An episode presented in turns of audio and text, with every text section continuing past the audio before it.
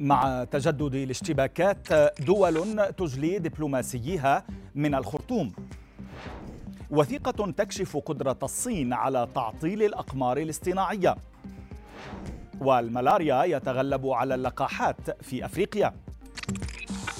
أبرز أخبار العربية 24 على العربية بودكاست نبدأ من السودان فبعد ساعات من الهدوء النسبي في معظم مناطق الاشتباكات تجدد القتال بين قوات الدعم السريع والجيش السوداني في أم درمان ومحيط القيادة العامة للقوات المسلحة في الخرطوم.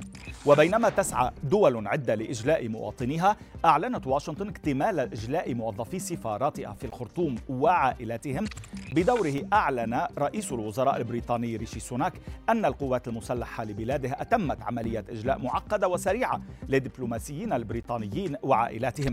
كما تعمل دول غربية أخرى كإيطاليا وفرنسا على تأمين إجلاء مواطنيها ودبلوماسييها من السودان في أقرب وقت ممكن. فضائح الوثائق الأمريكية المسربة لا تزال مستمرة. آخرها كشف إحدى الوثائق عن معرفة أمريكية بقدرة الصين الكبيرة في معركة الفضاء. صحيفة نيويورك تايمز كشفت عن محتوى الوثيقة التي تخص وكالة الاستخبارات المركزية الأمريكية وجاء فيها أن الصين قادرة على استغلال أو اختطاف الأقمار الاصطناعية للعدو. أحد تلك الأسلحة الصينية هو نظام تشويش مفصل لإرباك الأقمار الاصطناعية وتحييدها عن طريق محاكاة الإشارات التي تتلقاها من مشغلي المحطة الأرضية والتسبب في حدوث خلل وهو ما قد يمكن الصين من السيطرة على القمر الاصطناعي.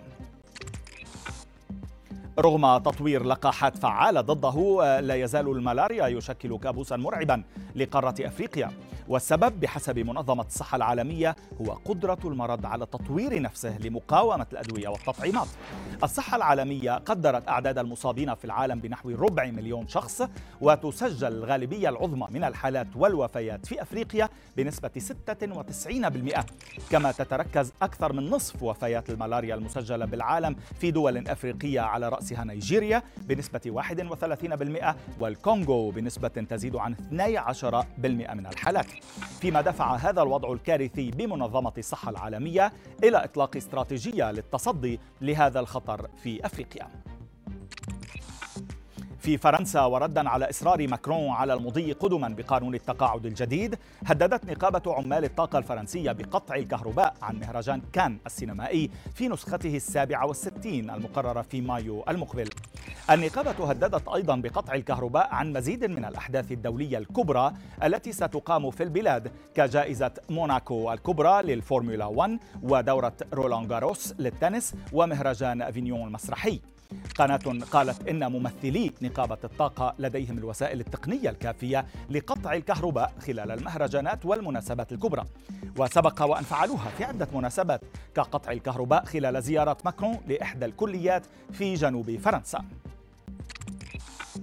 بعد أن حذف إيلون ماسك شارة التوثيق الزرقاء من حسابات آلاف المشاهير وكثير من مستخدمي تويتر وضع نفسه في موقف لا يحسد عليه. عندما تعهد بالدفع عنهم مقابل خدمة تويتر بلو وعلامة التوثيق.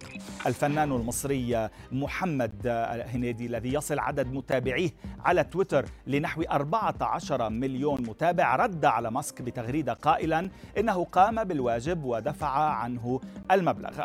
هنيدي الذي رفض الدفع مقابل الخدمة في وقت سابق أضاف قائلا تبين عودة اشتراكي في خدمة تويتر بلو مع أنني لم أشترك لكن واضح أنه إيلون ماسك حب يعمل معانا الواجب ودفع لاشتراك الخدمة من جيبه.